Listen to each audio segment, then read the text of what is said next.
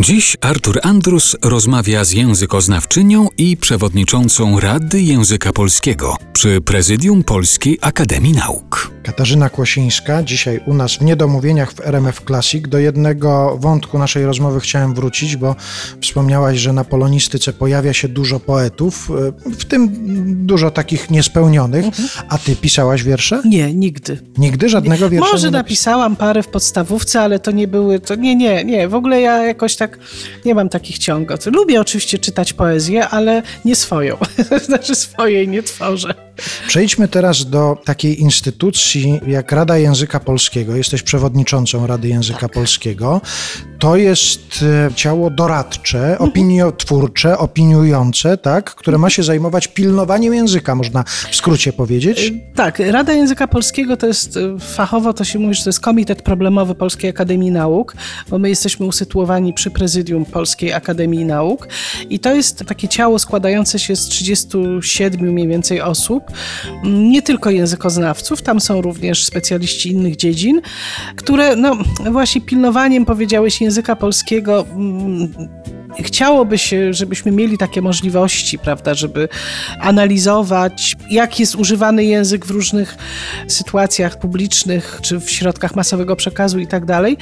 Trochę mm, ludzie nam przypisują, powiedziałabym, większe kompetencje niż rzeczywiście one są i też nie mamy po prostu często możliwości robić wielu takich, ale... mhm, No, Bo wy nie możecie nakazać czegoś. Nie, nie możemy nakazać, nikt nie może nakazać, żeby mówić tak albo inaczej, bo zresztą też norma językowa nie jest tak, nie ma takiego charakteru prawnego. To nie jest norma prawna, prawda, że wiemy, że jak ukradniesz chleb ze sklepu, to pójdziesz za to siedzieć tam albo dostaniesz grzywnę. To nie jest tak. No, ale jest ustawa o języku polskim. Jest ustawa o języku polskim, która mówi tak bardzo ogólnie o wielu różnych zjawiskach, znaczy inaczej mówiąc o tym, że język polski podlega ochronie i to jest bardzo ważne przede wszystkim w ustawie, że przypomina się, że język jest wartością i na przykład, że w pewnych y, sytuacjach trzeba używać języka polskiego. Na przykład ustawa o języku polskim wprowadziła obowiązek oznaczania towarów i usług w języku polskim. Inaczej mówiąc, do czasu, kiedy ustawa zaczęła obowiązywać,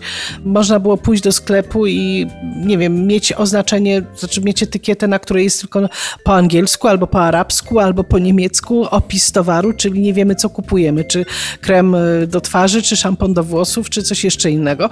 Teraz jest, no to teraz to już od 20 lat ponad, bo ustawa od 1999 roku obowiązuje, a więc jest obowiązek na przykład właśnie oznaczania towarów i usług w języku polskim. Ale na przykład mandatu w tramwaju nie możecie wlepić. My nie możemy, ale na przykład y, Urząd Ochrony Konkurencji i Konsumentów już tak.